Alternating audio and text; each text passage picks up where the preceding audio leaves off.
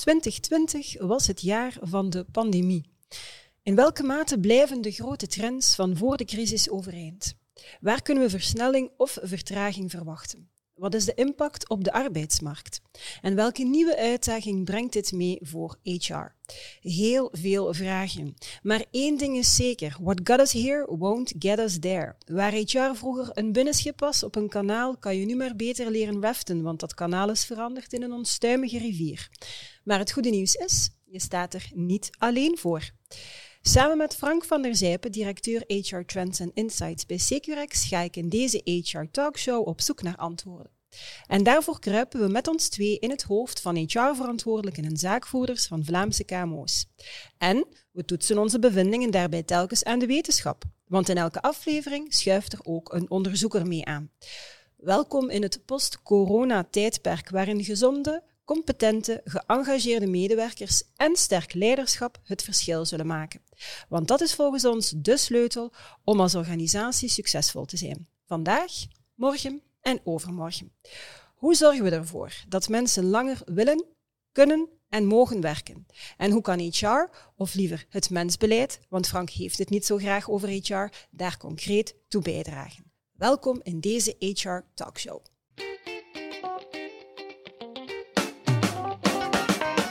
Welkom bij Brain Pickings, de podcast voor HR-professionals, leidinggevenden en ondernemers. Ik ben Leslie, founder van Zigzag HR. En met Zigzag HR dagen we jou uit om jezelf en je vakgebied heruit te vinden. Abonneer je dus zeker op dit YouTube-kanaal of volg ons op jouw favoriete podcast-kanaal.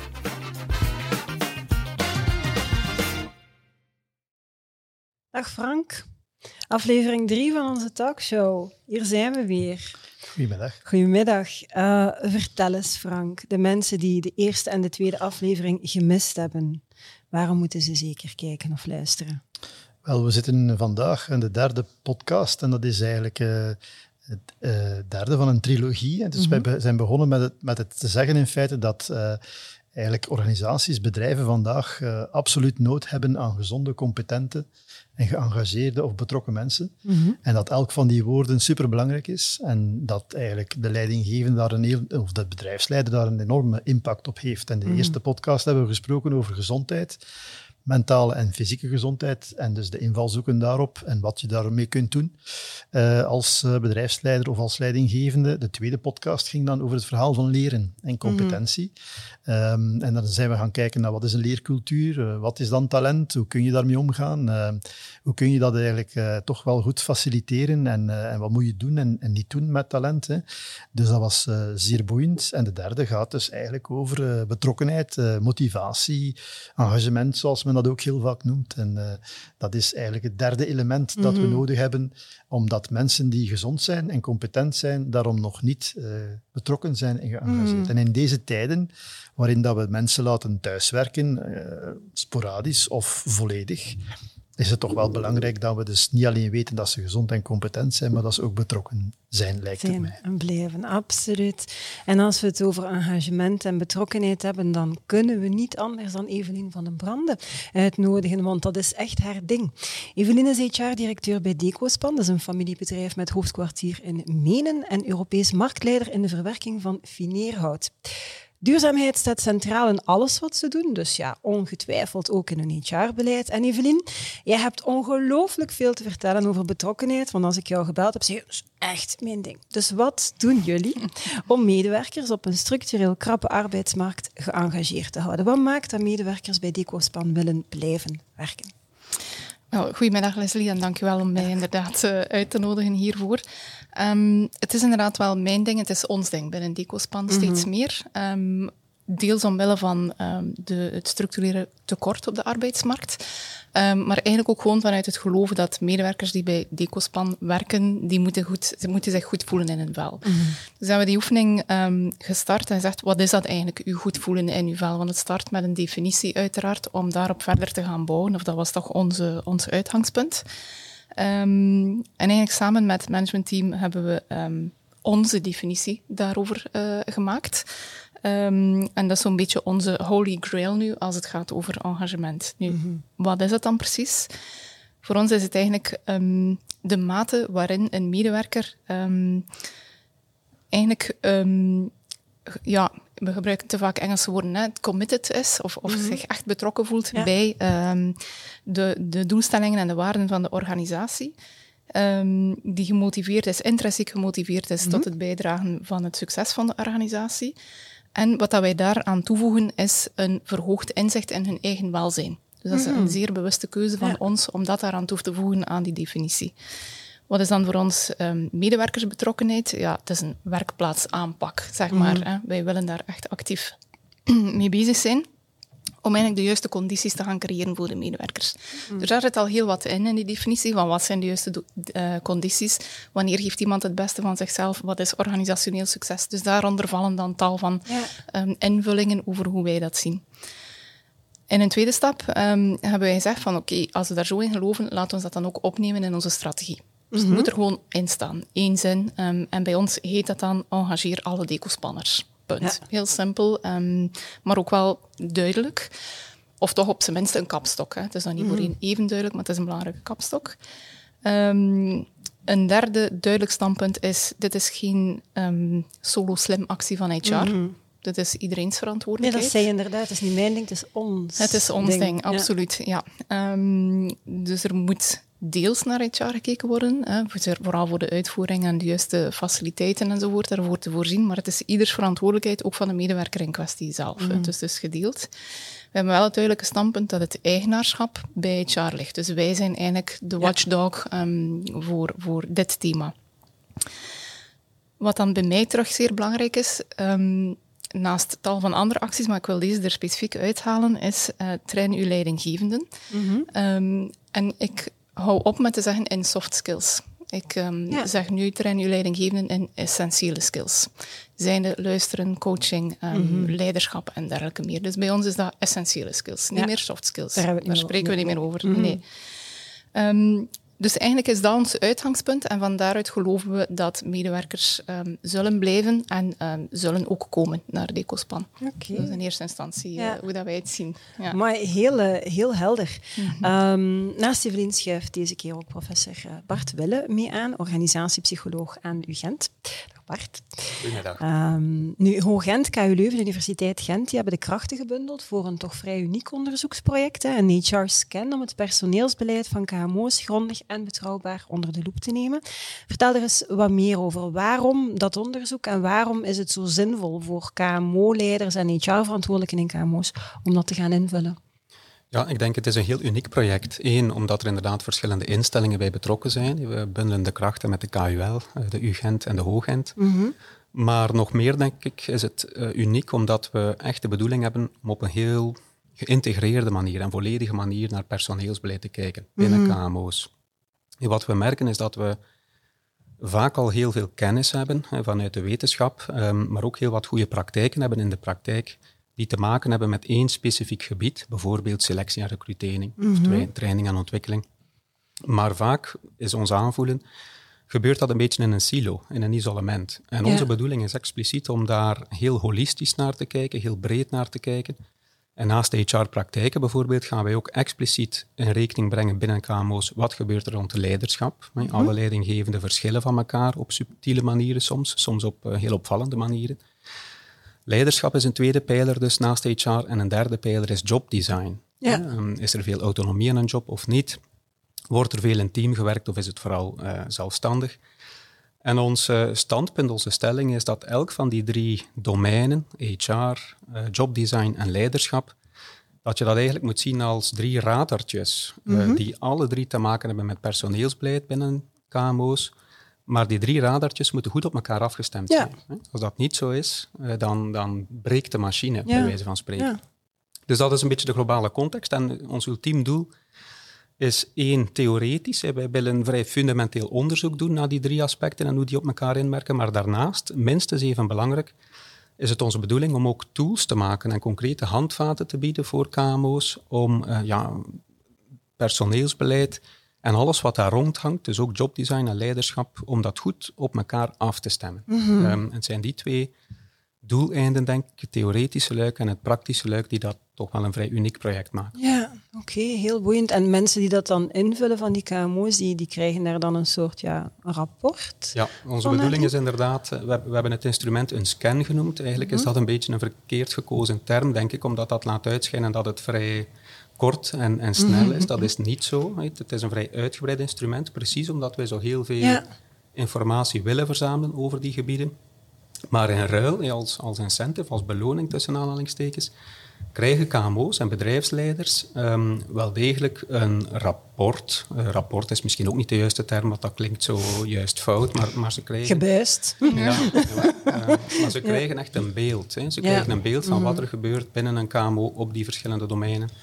En daaraan gekoppeld ook um, een aantal mogelijke, ik ging bijna zeggen verbeterpunten, maar een aantal mogelijke tips en tricks om die aspecten beter op elkaar te laten afstemmen. Ja, en het kan helpen bij prioritiseren inderdaad, van waar dat zij dan gaan op inzetten in de komende periode. Oké.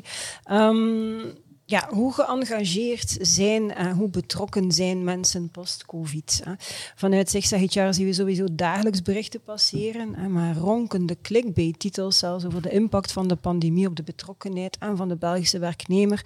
De verloopintentie zou sterk toegenomen zijn. We trekken massaal de deur achter ons dicht, want één op vier overweegt van job te veranderen. Worden allemaal freelancer. En als we de media mogen geloven, volgt, uh, ja, voelt de Belg zich eigenlijk allesbehalve gewaardeerd op het werk.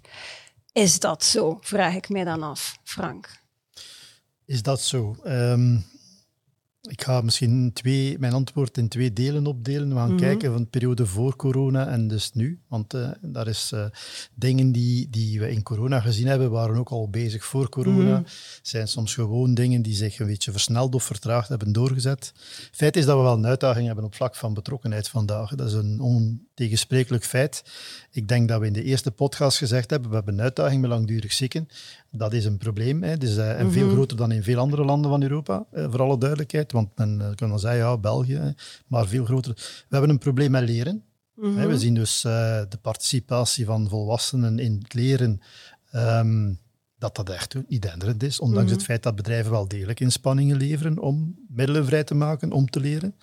En dus drie, we zien inderdaad een probleem ook met die betrokkenheid. Mm dat zijn niet mijn studies, hè, verre van. Uh, zeker, ik doe niet alle studies, maar er zijn genoeg studies, denk ik, voorhanden die aantonen dat als het gaat over zingeving, als het gaat over betrokkenheid, dat wij het niet zo denderend doen. Mhm. Dus uh, ik denk dat er een studie is van UAMS nog niet zo lang geleden, die uh, zei van ja, één op de vier Vlamingen vindt zijn werk niet zinvol. Mm Eén op de vier is 25 procent. Dat je zeggen, ja, drie op vier wel, maar één op Dat wil zeggen één van ons, hè? Is toch wel, ja, ja. Voilà, dus dat is toch wel uh, vrij veel. Hè. Wat we ook vaststellen, is dat mensen zeer vroeg stoppen met werken. Mm dat is een oud zeer in België. En dus de uitredeleeftijd ligt op 61 jaar en half, denk ik. We zouden tot 65 en straks tot 67 mhm. moeten werken. Ook dat is vrij uniek in Europa. Dus de meeste werken een stuk langer. Ja. En dus wat mij dan ook altijd uh, treft in dat verhaal, want we hebben nu weer de bevraging gedaan in 2021 en we zijn eigenlijk weinig opgeschoven, hè, dat het vooral te maken heeft niet, met, niet zozeer met dat kunnen, maar met dat willen. Hè. Mhm. En dat ook, ook hoger opgeleiden experten, waar we dan dachten dat ze toch wel kunnen kiezen wat ze doen, dat dat nog eigenlijk de grootste groep is. Zeg maar wij zeker niet. Hè. Wij willen dat niet. Wij, wij kunnen dat misschien wel, maar, we willen, dat niet. Dus dat heeft toch wel iets te maken, of, of iets te maken met die betrokkenheid.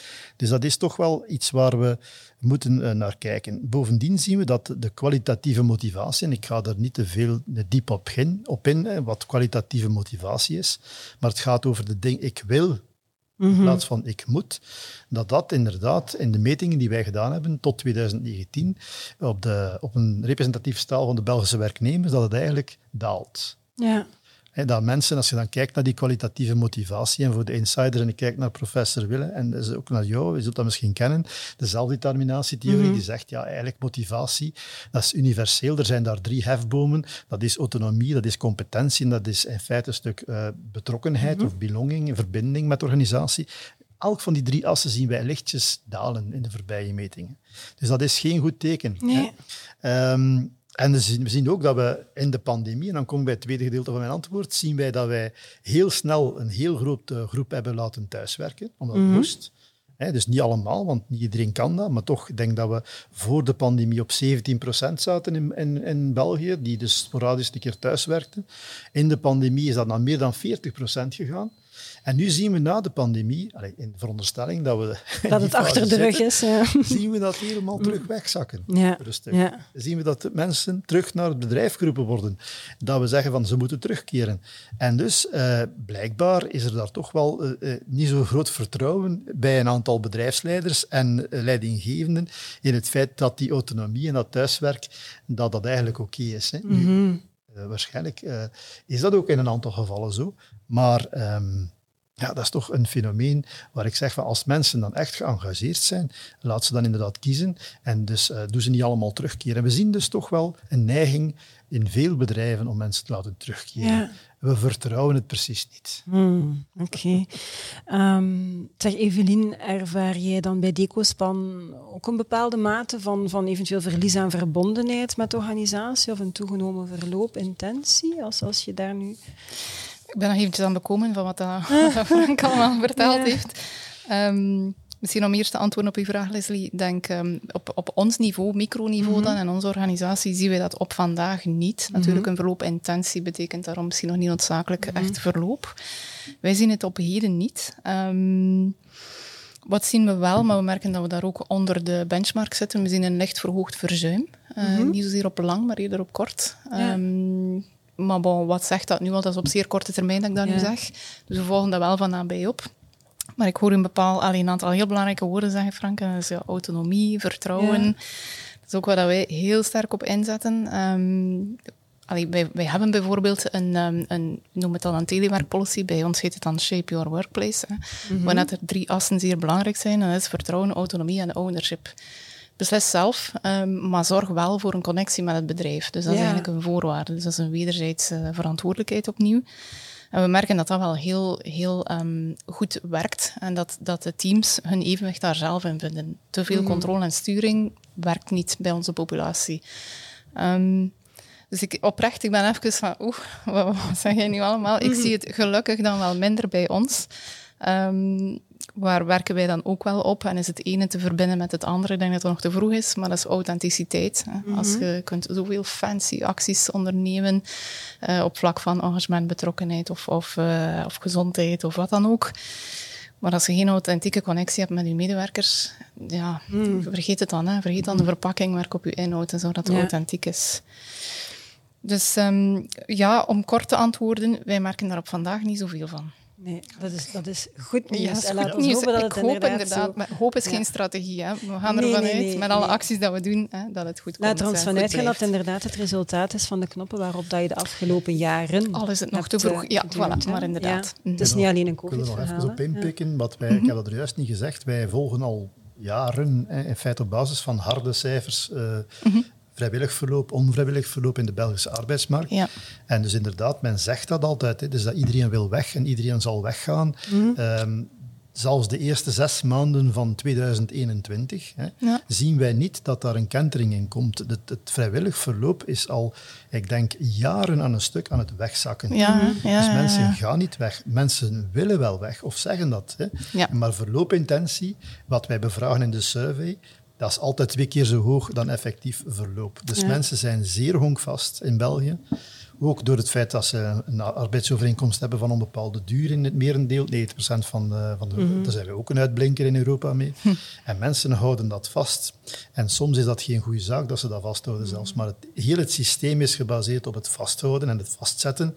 En dus verloopintentie kan dan wel groot zijn. Mm -hmm. Ik heb dat in een vorige podcast ook gezegd en professor uh, Wille zal dat ook wel kennen. Die prospectietheorie, dat verlies, die verliesaversie is zo groot van... Yeah. We zouden wel een keer meer kunnen verliezen dan dat we ja, okay. kunnen winnen. Mm -hmm. En dus ja, verloopintentie is helemaal geen goede maatstaf van uh, vrijwillig verloop. Oké. Okay. Okay. Um, Bart, wat maakt dan dat, dat mensen wel degelijk geëngageerd zijn? Waar moeten werkgevers bijvoorbeeld meer op inzetten of waar stoppen ze misschien beter mee? Ja, wel, ik, heb, uh, ik had die vraag verwacht, uh, omdat je ze me had doorgegeven. Maar, dus jij bent helemaal voorbereid. ik, wel, ik heb mij als goede wetenschapper proberen voorbereiden. En dan, wat wij doen, is wij proberen in de literatuur te kijken naar hey, wat, wat zijn de gekende mm -hmm. voorspellers van, of determinanten van engagement. Maar, maar daar liep ik eigenlijk al meteen op een eerste probleem. Namelijk dat het mij niet helemaal duidelijk was, wat willen we precies voorspellen? Willen we mm -hmm. engagement voorspellen? Of gaat het over motivatie? Ik heb nog andere termen hier al uh, gehoord vandaag. Uh, motivatie, engagement, betrokkenheid, werkgeluk, tevredenheid, welzijn. Het zijn natuurlijk allemaal dingen die heel belangrijk zijn uh, binnen KMO's, maar ook daarbuiten. Um, het zijn allemaal dingen die met elkaar verband houden, maar ze zijn ook wel subtiel verschillend van elkaar. Frank wees al op het onderscheid tussen een verloop, intentie en effectief mobiliteit, effectieve verandering. Dat is één heel goed voorbeeld, denk ik. Ja, maar ook wat betreft die andere concepten, um, denk ik, voor mij als wetenschapper is het belangrijk om te weten wat willen we voorspellen. Los daarvan denk ik, als we daar toch proberen één um, gemeenschappelijke noemer van maken, Um, en als ik dan in de wetenschappelijke literatuur kijk, dan, dan komen er eigenlijk twee grote factoren naar voren. Mm Eén factor is hier ook al aan tafel genoemd en gaat over leiderschap. Mm -hmm. Wat we zien in verschillende studies, ook nog een heel recent gepubliceerd onderzoek, is dat leiderschap een enorm grote impact heeft op wat er leeft binnen organisaties. En specifiek gaat het over verschillen tussen leidinggevenden en de gedragingen die ze stellen en de stijlen die ze hanteren. Wat we nu meer en meer zien, of waar we veel evidentie voor krijgen, is dat vooral leidinggevenden die zich op een heel dienende manier gaan opstellen. In de literatuur noemen we dat servant leadership, mm -hmm. leadership um, maar heel dienend, ten dienste staan, letterlijk ten dienste staan van het personeel, dat dat door een hele groep van werknemers als heel positief wordt ervaren. Dus dat is één aspect, denk ik. We kunnen niet om leiderschap heen. Mm -hmm. Een tweede aspect, en dat is voor mij een beetje een open deur intrappen, maar als we willen weten wat mensen gelukkig maakt op het werk, wel dan denk ik, moeten we vooral ook kijken naar wat mensen doen. En doen mensen die activiteiten, die taken, dag in dag uit, die ze graag doen. Mm -hmm. Op zich is dat denk ik niet zo spectaculair of niet zo academisch, maar ja, het, het, is heel eenvoudig. Mensen komen graag naar het werk als ze daar dingen kunnen doen die ze graag doen. En dus het gaat daar voor een stuk ook op het, het afstemmen van de job op wat mensen graag doen. En ook vooral het monitoren van wat een job precies inhoudt. Mm -hmm. Of die job na twee maanden, na drie maanden of na drie, vier jaar nadat mensen in dienst getreden zijn, nog altijd is wat mensen ervan verwachten en wat ze graag doen. Dus dat zijn twee dingen, als je mij toch vraagt naar een aantal mm -hmm. belangrijke factoren of determinanten, leiderschap en jobinhoud en de afstemming van jobinhoud op wat mensen graag doen, dat zijn denk ik twee heel belangrijke factoren. Ja, oké. Okay. Um, laten we ons dan misschien over, uh, over purpose hebben. En dus ja, ik richt mij tot, tot, tot, tot jullie eigenlijk allemaal. Ja, wat is dat eigenlijk, purpose? Ik vind dat woord wordt ook heel makkelijk in de mond genomen. Gaat dat dan over, over zingeving? En ook daar lees je dan uh, heel wat artikels dat, dat Vlamingen een job totaal niet zinvol vinden of niet als zinvol ervaren. En vooral bij, um, ja, in eerste instantie zou je kunnen denken dat het misschien voor kaderleden um, makkelijker is, dat kaderleden een job wel zinvoller gaan vinden, maar ook daar schort het wel wat. Alhoewel dat je ziet ten opzichte van arbeiders en uitvoerende bedienden, dat die nog iets lager hè, scoren. Um, wat, is, wat is jullie visie daarop, als ik dat zo... Wat is purpose?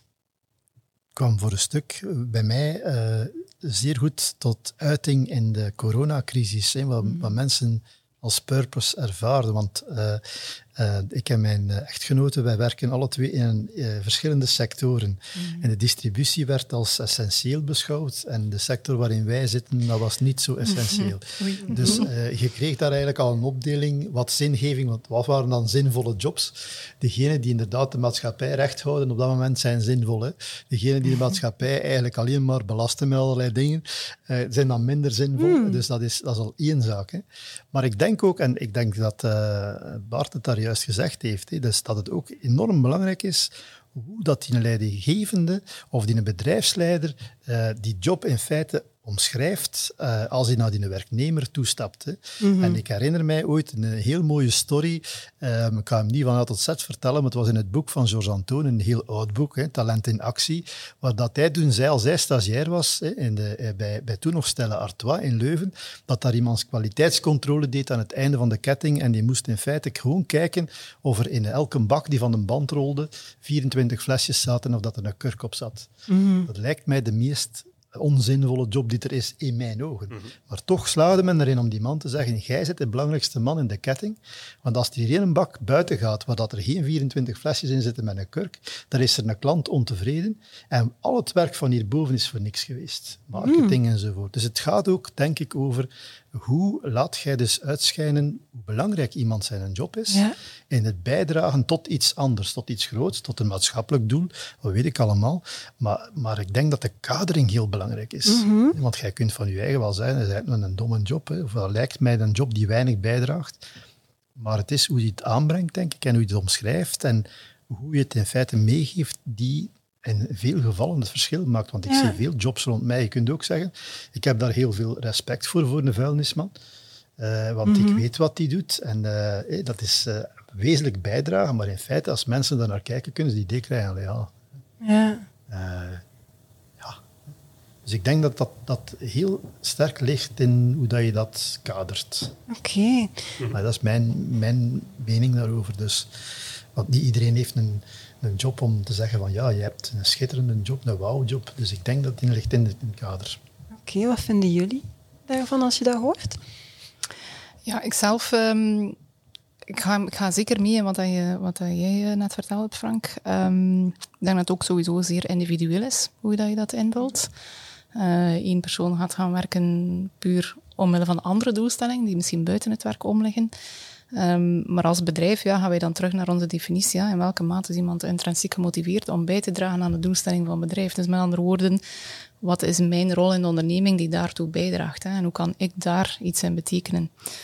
Ehm, binnen Decospan al sinds maken wij geen onderscheid eh, in, in functies. Alle principes worden overal toegepast. Vertrouwen, autonomie, ownership. Dat is bij de uitvoerenden en de meer strategische rollen identiek hetzelfde. Er zijn wat meer uitdagingen eh, als je sessies doet of organiseert, eh, allee, sessies organiseert rond engagement of eh, opleidingen in essentiële skills eh, voor leidinggevenden. Moet je soms wel wat meer rekening houden met beschikbaarheden, omdat we nu eenmaal een productiebedrijf zijn, maar niet te min maken we die keuze zeer rechtlijnig. Dus wij maken geen onderscheid, maar we weten wel dat individuen daar wel een eigen invulling ook aan geven. Ja. Oké, Maar ik moet zeggen, als academicus, en nu ga ik mij een beetje ongenuanceerd uitdrukken, wat ik normaal niet doe, maar ik heb echt een bloedhekel aan het concept purpose. Oké. niet omdat ik vind dat het niet belangrijk is of niet waardevol is. Integendeel zou ik zeggen, maar wat is purpose? Hè? En, ik vind het een hele goede insteek als je zegt als organisatie, als KMO bijvoorbeeld, hè, wij gaan daar zelf een omschrijving van geven. En voor mij is het prima als die omschrijving meer gaat over werkgeluk, over tevredenheid, dan over purpose, wat het ook mag zijn. Maar spreken over purpose is iets wat ik eh, niet graag doe, omdat het niet, ehm, het is niet mee, wij willen dingen meten, wij willen Ja. dingen onderzoeken, maar we willen ook tools bouwen, zodat organisaties daarmee aan de slag gaan. En met purpose op zich, volgens mij, kan je daar moeilijk mee aan de slag gaan. Waar je wel mee aan de slag kan gaan, is het idee bijvoorbeeld van een waardenfit. Er zijn Ja. een aantal eh, initiatieven, ook eh, hier bij ons, die denk ik wel één luikje, één aspect ehm, van het bredere purpose proberen vatten, door bijvoorbeeld te kijken, door te vragen aan mensen, wat vind jij belangrijk? Hè? Vind je het belangrijk bijvoorbeeld als werknemer dat je kan bijdragen tot de maatschappij? Of vind je het belangrijk als werknemer om in een organisatie te werken waar winst maken centraal staat? En dat kunnen twee verschillende doelstellingen zijn, twee verschillende waardes eigenlijk zijn van iemand die je dan kan gaan proberen afspiegelen op wat een organisatie belangrijk of waardevol vindt. Dat is denk ik één voorbeeld van hoe je van zo'n heel eh, breed containerbegrip als purpose kan overschakelen naar iets tastbaar, iets concreet, waar eh, binnen een KMO of binnen een organisatie mee aan de slag gegaan kan worden. Ja. In kaart brengen wat vinden mensen belangrijk, wat vinden mensen interessant, ehm, enzovoort en zo verder. Oké. Ehm, als we het hebben over eh, engagement, eh, is er een wezenlijk verschil, en Frank, jij had dat gezegd eh, tegen mij in een van de eerdere gesprekken, is er een wezenlijk verschil tussen engagement ten aanzien van je job en engagement ten aanzien van de organisatie waar je werkt. Hè? Het kan zijn dat, dat ze elkaar versterken, kan ook zijn dat ze elkaar tegenwerken. Hè? Wat, wat bedoel je daar concreet mee? Kan je dat wel beschrijven? Ja, in metingen in het verleden hebben wij altijd de twee min of meer trachten in kaart te brengen. Dus in welke mate werk ik bij deze organisatie omwille van de organisatie, wat ze voorstelt. En je spreekt daar over waarden, de cultuur. Ehm, en eh, wat, voor, wat voor een job heb ik vandaag? En dus dan spreek ik hier over jobfit en organisatie, betrokkenheid, maar ook dat zijn termen waar je natuurlijk kunt mee goochelen, maar het gaat in feite mij, eh, ik en mijn organisatie en ik en mijn job. Mhm. Ja. En dus wat zien we heel vaak eh, in bedrijven waar men dan mensen wil gaan, ehm, ik zou zeggen, van, van functie laten veranderen, dan komt dat eigenlijk wel in een balans te staan. Ja, dus ja. eh, met andere woorden, ik werk bij Securex hè, en ik heb hier een job in een vakdomein HR en men wil mij een andere job geven. Ik zeg zo maar iets, men wil mij naar het legal department, stel je voor, muteren, juridisch adviseur maken. Ga ik daarin meegaan of ga ik daar niet in meegaan? En dan zien we heel vaak dat men in het vroeger, vroeger in de vorige generaties, daarin meeging. Hè. Men had de grote corporates en men, was, eh, men werkte bij een bedrijf. En wat men daar deed, dat maakte eigenlijk niet zoveel uit. Als men maar in dat bedrijf. bedrijf kon blijven vandaag, zie je, als ik hoogopgeleide experten, maar ook technische beroepen, van job wil veranderen, dat die zeggen, ja, maar nee, ik ben jurist of ik ben eh, HR-professional of ik ben loodgieter, gaat je van mij geen elektricien maken om hier te kunnen blijven. Dan ben ik weg. En dus daar krijg je soms wel conflict tussen inderdaad ik, allee, die organisatiebetrokkenheid, dus ik wil bij die organisatie blijven, maar ik wil ook een job hebben waar ik, eh, waar ik mij goed in voel. En dus dat is eh, dat, dat spanningsveld, dat zie je soms wel in organisaties op het moment dat men mensen wil verplaatsen in, in een ander departement of in een andere job. En dan is men verbaasd als mensen dan toch beslissen om uiteindelijk weg te gaan. Zeg, dat, dat ga, daar ga ik niet in mee. Ik heb hier nogthans heel lang gewerkt, maar daar ga ik niet in mee. En dus die, die, die jobfit is, is, eh, is vandaag toch eh, in veel jobs eh, redelijk belangrijk. Hè? Omdat je met heel veel hoog gespe- eh, gespecialiseerde experten zitten. En als die dan in het domein zitten waar dat die zich ook kunnen uitleven, eh, dan willen ze daar ook heel vaak in blijven. Ja, maar ik zie daar dan toch ook wel een potentieel probleem als je bedrijf, en um, KMO zal dan ongetwijfeld ook wel zo zijn, want men zegt vaak, het is in grote bedrijven dat je mensen inderdaad intern in andere rollen kan laten evolueren. Dat gaat in KMO's ook. Um, maar als ik u dat wil vertellen, dan zie ik daar toch wel een mogelijke spanning. Dat je zegt van ik wil die medewerker hier andere kansen bieden binnen de organisatie. Dat die medewerker daar au fond niet naar vraagt. Dat hij zegt ik wil in die expertenrol zitten. Hoe, hoe kijken jullie daarnaar vanuit de praktijk en vanuit onderzoek? Uh, Ik wil er nog iets aan toevoegen. Ja? Je hebt het activiteitsdomein, jurist bijvoorbeeld, of, of uh, juridische, pra- of HR, of uh, sales en marketing, whatever. Hè. Je hebt het domein, je hebt de rol. Ja. En dat zijn twee dingen. Hè. Dus uh, je kunt ook in het domein blijven, maar een andere rol Een andere pakken. Dat is misschien ja. nog haalbaar. Ja. Maar het domein verlaten, waarin men eigenlijk gegroeid is en waar men ook heel veel interesse voor heeft, is misschien nog erger dan de rol veranderen. Ja. Want dat kan, kan zijn dat mensen dat niet zien van zichzelf. Hè. Dat je zegt van ja, ik ben een expert, maar eigenlijk zou je consultant kunnen zijn. Of je zou misschien zelfs Mhm. een team kunnen aansturen binnen dat domein. Dat is nog iets anders dan echt het domein gaan veranderen. Ja, Zeggen, ja, we ja. gaan, je bent jurist, we gaan iets anders laten doen. Ja. Dus, dus, is dus wel een goede Dat is nog een eh, nuance, ja. denk ik, in het verhaal. Ja. ja. Ehm, ja, wel, het gebeurt zeker hè, dat, dat omwille van uw verandering dat je als organisatie doorstaat, ehm, dat je mensen ehm, voorstelt om zich te gaan herpositioneren in de organisatie. Ehm, en soms komt dat in conflict, dat is waar. En soms verlies je daardoor eh, mensen. Wanneer zijn wij dan verrast of ontgoocheld? Dat is wanneer dat er geen open gesprek is uh, gebeurd. Hè. Dus je kunt vanuit de organisatie een bepaalde wijziging moeten doorvoeren of willen doorvoeren. Gaat het gesprek aan met uw medewerker van oké, okay, we willen nu in een ander domein uh, zien, omdat we daar belangrijke noden of wat dan ook hebben. Als dan die medewerker eigenlijk afhaakt en niet meer in dialoog gaat, daar, daar trekken wij dan als organisatie aan het kortste eind. Dat zou niet ja. juist zijn. Hè. Dus daar, allee, op zich moet je als organisatie ook ermee kunnen omgaan dat mensen je bedrijf verlaten op een bepaald mm -hmm. moment. Hè. Dus opnieuw is dat heel individueel. Als organisatie zelf, opnieuw, ik val in herhaling, hè, vertrouwen, autonomie, ownership en, en die authenticiteit van die leidinggevende die dat gesprek aangaat, of, of vanuit HR of vanuit management, maakt nog niet uit. Als je dat niet hebt, dan kun je zelfs dat gesprek niet, niet open en correct voeren. Um, ik heb het al meegemaakt dat medewerkers, dat was nu toevallig niet bij Decospan, maar maakt niet uit, um, het bedrijf verlaten hadden na zo'n situatie, maar die dan wel teruggekeerd zijn ja. naar het bedrijf ja. achteraf, omwille van die connectie, uh, maar vooral ook omwille van dat open gesprek dat er toen gebeurd um, geweest is. Dus het is niet um, onvermijdelijk, denk ik, dat je dat tegenkomt, want verandering maakt deel uit van. En, en dat, is, dat is eigen aan, dat is ook nodig, denk ik. Maar het komt altijd terug op diezelfde principes. Ja, en die dialoog hoor ik je inderdaad Absoluut. ook zeggen langs de twee kanten. Dat je En op zijn minst met een positief gevoel. Wat het resultaat ook mogen zijn. Dat je elkaar in de ogen kunt kijken. Ja. Dat is ook ons principe. Je Moet, Ja. Dat is mijn principe. Ik moet 's morgens eh, mezelf in de spiegel Ja. kunnen kijken. Hè. Ja, ja, ja, Ja. absoluut. Vanuit de praktijkkant is dat dan? Vanuit onderzoeksmatige kant? Wat ik een, eh, een heel interessant gegeven vond een aantal jaar geleden, was dat men eraan dacht om eh, zogenaamde talent pools te gaan maken. Mhm. Drie, vier jaar geleden, denk ik, was dat een nieuw hot issue. Ehm, maar als ik nu rondom mij kijk, ehm, in de wetenschappelijke literatuur, maar ook daarbuiten en vooral daarbuiten, ik zie daar eigenlijk heel weinig eh, Mhm. terug van. Dus het idee, denk ik, was heel attractief. Eh, We gaan mensen, talenten, verzamelen in, in, een, in een pool, ehm, bijvoorbeeld digitaal. Ehm, En dan kunnen organisaties, als ze daar nood aan hebben, op een bepaald moment, in functie van een bepaalde vraag, kunnen ze daar mensen uit gaan gebruiken. En ook mensen kunnen gaan eh, uitwisselen.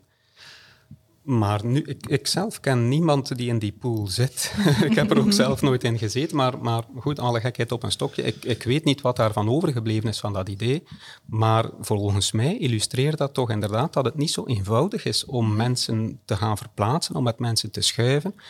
We mogen ook niet vergeten, ehm, voor heel wat mensen is het werk, en daarmee bedoel ik zowel de taakinhoud als de organisatie waarvoor ze werken, is dat echt een onderdeel van de identiteit. Ja. Voor sommigen ook niet, en dat is prima. Maar voor heel veel mensen is dat wel het geval. Ja, en een stuk van die identiteit ontleen je aan jouw werkomgeving en ga je ook niet zomaar veranderen, denk ik. Ehm, dat is denk ik een, een, iets wat mij opviel en ehm, wat een beetje past in de rest van de discussie hier. Mobiliteit is een heel interessant en attractief gegeven, maar heel moeilijk te realiseren in de realiteit. En daar zijn allerlei redenen voor. Ja. En een van die redenen is, ja, mensen hebben nood om zich ergens thuis te voelen ook, om het met een Ja. soort boetade te zeggen. Ja, absoluut. Ik vind, dat, ik vind dat een heel interessante kijk, want men, kijkt daar, al, dat is nog altijd, wordt dat zoals oplossing naar voren geschoven, want we gaan mensen daar ergens inderdaad digitaal en dan kunnen we ze plukken en, en iedereen is blij en tevreden, maar zo werkt het dus absoluut Nee, niet. mag Hè? ik daar misschien iets? Ja? Want, want mijn ervaring daarin is inderdaad de vele goede intenties om zo'n pool te gaan ehm, opzetten. En dan merk je dat dat heel vaak resulteert in een mathematische oefening. Hè. Dan zitten ze Ja. samen en dan gaan de mensen in boxjes stoppen. En dan denkt je, ja, nee, da- daar zijn we, we zijn nog niet wat dat we moeten zijn. En dan vervalt dat vaak in een verplicht nummertje van elk jaar moeten we weer eens een talent review gaan doen. Ja. Maar dan zijn we ver van, van de initiële doelstelling, denk ik, om inderdaad die pool te hebben. Ehm, het, is, het is geen gemakkelijke opgave, inderdaad. En het is eigenlijk iets zeer organisch, dat je toch wilt ergens in een organisatiecontext stoppen. Maar niettemin belangrijke uitdaging. Ja. Frank, jij wilt ook... eh, Ja, ik kan dat bijtreden. hè. In de praktijk zie je weinig eh, voorbeelden van wat daar nog van over is. Ik denk, eh, dat is altijd wat in mij opkomt. Dat is eh, de uitspraak van tussen droom en werkelijkheid staan vooral veel wetten en nog altijd. eh, en dat is een van de redenen. En veel praktische bezwaren. Eh, dus inderdaad, dus zowel juridisch als praktisch waren daar toch wel wel issue- issues. Hè. Wat je wel nog ziet, is platformen zoals een Experience at Work, die dan probeert dan toch mensen die een bepaalde competenties hebben en die misschien niet meer voldoende aan bod komen in hun eigen bedrijf, toch in een waarde te laten en die competenties te laten gebruiken in andere omgeving dan een stuk van de loonkost betalen, wat dus een win-win is. Een win voor de organisatie die krijgt en de win voor dus de organisatie die geeft en de win voor de werknemer, die dan toch in zijn waarde, zijn erkenning houdt bij eh, de organisatie waar hij dan gaat eh, zijn, zijn expertise delen. Eh, waar ik ook een mooi voorbeeld vind van hoe dat, dat toch wel kan, is eh, heel onlangs heb ik dat eh, gezien in de media, jullie waarschijnlijk ook, de koepelvereniging Essentia, die werknemers uit de chemie uitstuurt naar scholen waar ze te weinig leerkrachten hebben, om daar een paar uur les te geven. Oké, daar zullen ze dan ook wel een vergoeding voor krijgen. Dus dat maakt de loonkost wat minder hard voor dus de organisatie. Die een werknemer die daar hoesting voor heeft, die kan in zijn waarde blijven, want die gaat zijn expertise leren delen naar de school. De school die wint erbij, want die heeft geen leerkrachten. En als die dat goed doen, waarom zouden ze dat niet mogen doen? En bovendien doe je nog aan employer branding. Dus ik denk alleen maar Ja. dat verhaal. Dus dat zijn voorbeelden, maar het zijn eerder inderdaad eh, een beetje in de marge. En ze zijn te weinig talrijk vandaag, jammer genoeg. Ehm, zien we dat, en in mijn omgeving ook, ik, eh, ik word er 60 hè, de volgende keer als ik verjaar. Dus er zijn al heel wat mensen die aan mij beginnen vragen hoe lang ga jij nog werken in mijn omgeving, in mijn vriendenkring. En iedereen vindt het doodnormaal om vroeger te stoppen dan, dan 65, zeer Ja. zeker. Ehm, omdat ze heel vaak op een doodspoor zitten. Omdat ze heel vaak niet meer geëngageerd zijn. Soms omdat ze niet meer kunnen werken, dat zal wel. Maar er zijn er ook bij die wel nog kunnen, maar ik word niet meer gewaardeerd op het werk, ik voel geen appreciatie. En dus mijn engagement ten opzichte van mijn bedrijf is ook aan het wegzakken. En mhm. ten opzichte van mijn job. Dus, en dat is heel pijnlijk om te horen, want dat betekent in mijn ogen ook dat er eh, daarvoor al een aantal dingen niet gebeurd zijn, dialoog aangegaan mm zijn, nadenken over wat zou je wel nog kunnen boeien. En daar laten we kansen liggen in mijn ogen. Absoluut. Een laatste vraag, want ik denk dat we al richting uh, eh, 45 minuten aan het gaan zijn. We proberen daar zo'n beetje per aflevering uh, binnen te blijven. Um, Frank, in de voorbereiding van, uh, van deze episode van de talkshow had je gezegd hoe beter iemand qua intrinsieke interesses aansluit op zijn of haar job, hoe hoger de leerspanning. Kan je misschien nog omschrijven wat dat je daarmee bedoelt? En dan vraag ik graag eens aan de collega's. Ik heb dat ook gezegd al in de vorige podcast, min of meer als het ging over leren. Hè. Dus we, mhm. we, proberen mensen aan te zetten tot leren en we gebruiken dan die woorden, hè, die upskillen en reskillen, weet ik allemaal. Maar leren voor mij, echt leren komt voort uit een stuk nieuwsgierigheid naar mhm. dingen die je niet kent en kunt en die je absoluut wil kennen en kunnen, omdat ze passen in je verhaal van wat, wat weeft mij energie. En ik denk als je... Allez, ik hoop dat maar, als het gaat over, uh, over auto's of het gaat over uh, hout en je zit in die, in, die, in die wereld en er komen daar vernieuwingen en je bent echt geëngageerd, of, of dat dat sluit aan bij je intrinsieke motivatie, dan wil je dat weten. Mhm. En daar hoef je niet voor geroepen te worden in een klaslokaal. Dat kan natuurlijk, hè. maar eh, dat ga je opzoeken desnoods vanavond op internet wat dat is. Ik heb een woord gehoord. En dus curiosity, nieuwsgierigheid, dat is voor mij de motor van een leerproces. Uh, en voor de rest kun je doen wat je wilt. Als mensen het niet willen leren en niet willen weten, dan zal het zeer moeilijk zijn. Dus dat is een beetje mijn... Waarom dat ik zeg van ja, ja. als het zo dicht mogelijk zit bij wat u intrinsiek motiveert, dan ga je vanzelf leren. Dan ga je daar weinig moeten voor gepusht worden. Dan gaat die eagerness er inderdaad vanzelf zijn. En inderdaad, de vorige aflevering herinner ik mij kriebelen, denk ik, was het dat uh, Philippe de Fruit had uh, gebruikt. Uh, als, als jullie dat horen, wat, vinden, wat zeggen jullie daar, daarop? Ik sluit me daar heel, helemaal bij aan. En ik denk, mm -hmm. Ik denk dat wij hier soms een beetje, en niet wij hier aan de tafel, maar in het algemeen, een mhm. beetje een naïeve kijk hebben op, op training en ontwikkeling en op leren. Ik, ik, zie dat ook in de media. Of een of andere politieke figuur die terecht aangeeft, opleiden, opleiden, opleiden moet een nieuwe mantra zijn. En ik volg dat helemaal. Er is inderdaad nood aan upskilling, reskilling.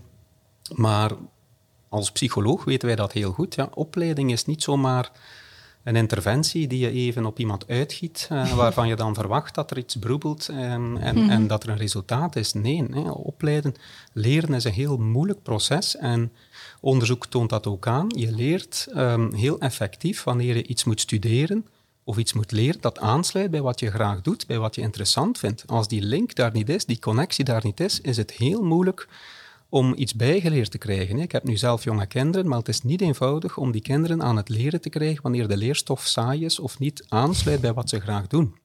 Dat geldt voor kinderen, maar dat geldt evenzeer, mm denk ik, voor volwassenen.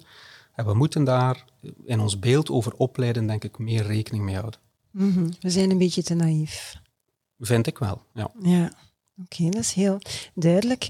Um, Frank, ik wil het allerlaatste woord van deze derde aflevering van de talkshow aan jou geven. Wat wil jij graag nog meegeven? Hoe ziet de arbeidsmarkt anno 2050 er volgens jou uit? Ja, het is natuurlijk zo dat, en, en, ik ben een halve wetenschapper geworden door altijd in contact te komen met academici. en die mensen zijn zeer voorzichtig als je zo'n vraag stelt. Die zeggen altijd van, we hebben geen glazen bol. We kunnen dat niet voorspellen, wij weten dat niet.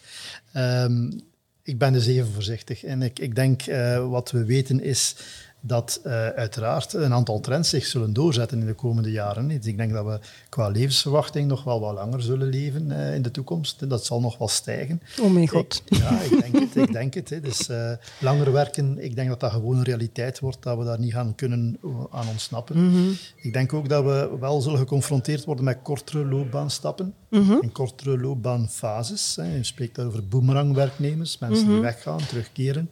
Ik denk dat we dat dus gaan zien. Um, ja, dat er meer hooggeschoolde jobs zullen zijn, dat is wel zo. Ik vraag me dan altijd af, wat gaan we doen met die ja. minder, minder hooggeschoolden? Dat wordt dus echt wel een uitdaging, mm -hmm. denk ik. Gegeven automatisering, robotisering, uh, eh, AI, dus uh, dat komt er nog aan. Um, ik denk dat we inderdaad, en we hebben vorige keer ook gezegd, serieus zullen moeten gaan inzetten op die overdraagbare competenties, Mhm. die niet functiegerelateerd zijn, digitale vaardigheden.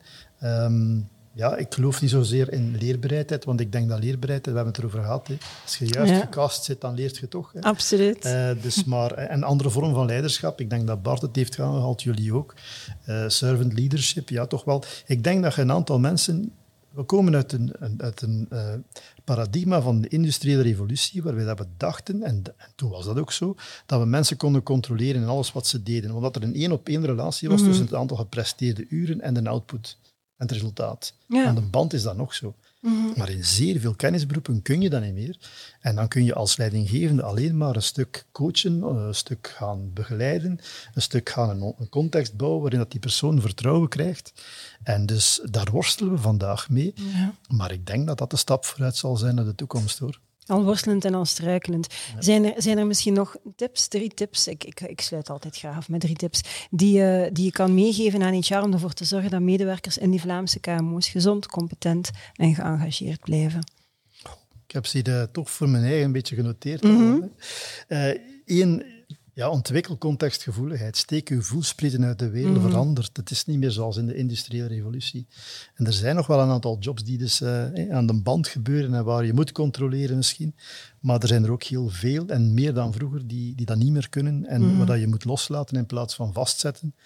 Ehm, werk vooral preventief. Hè. Wacht niet tot wanneer dat eh, problemen zich voordoen, zoals we dus in het verleden heel vaak gedaan hebben, Ja. maar probeer dus in feite te werken op gezondheid, competentie en op eh, betrokkenheid op een preventieve manier, door dingen te doen en beweging te zetten. Ehm, ja, en sta open. En ik weet dat een bepaalde richting dat niet graag zal horen. Het is ook de titel van een boekje dat we geschreven hebben eh, een tijdje geleden. Sta open voor maatwerk en inclusie. Ja. En probeer dus mensen die misschien niet beantwoorden aan dat ideale profiel, ehm, in de war for talent waarin dat we nu leven en ook in de komende jaren zullen leven, toch in feite eh, aan het werk te zetten.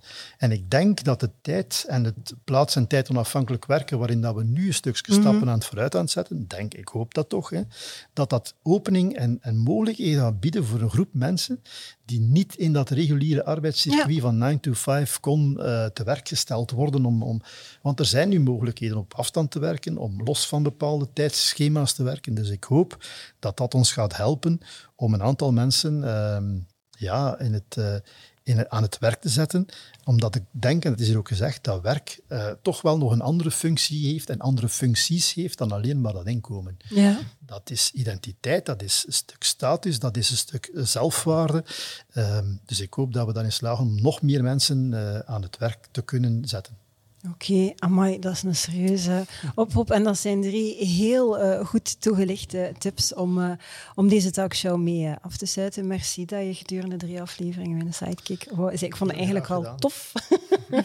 We dragen de last op deze manier. Alhoewel, het is alles behalve een, eh, een last. Dankjewel ook aan, eh, aan jullie dat we in jullie hoofd Veel mochten plezier. kruipen. Eh, voilà, ja, het is, nu is het echt helemaal gedaan. Het is de derde aflevering van de talkshow eh, samen met eh, zit er helemaal op. In de afgelopen drie afleveringen wilden we nagaan in welke mate grote trends van voor de crisis overeind gebleven, vertraagd of versneld zijn. We wilden in kaart brengen welke nieuwe uitdagingen de nasleep van corona voor HR meebracht. En als we terugblikken, is de geschiedenis geen aaneenschakeling van bruske omwentelingen, maar eerder van geleidelijke evoluties met weliswaar heel grote gevolgen die we, net doordat ze zo traag veranderen, doorgaans te laat voelen aankomen en vaak compleet verkeerd inschatten. Maar als die geleidelijkheid zich heeft afgetekend in het verleden, dan is het natuurlijk niet ondenkbaar dat ze zich met dezelfde ritmiek liever zal doorzetten in de toekomst. Het allerbelangrijkste, dat weten jullie al, Frank. It's a great time to be in it. Maar absoluut. Tot de volgende.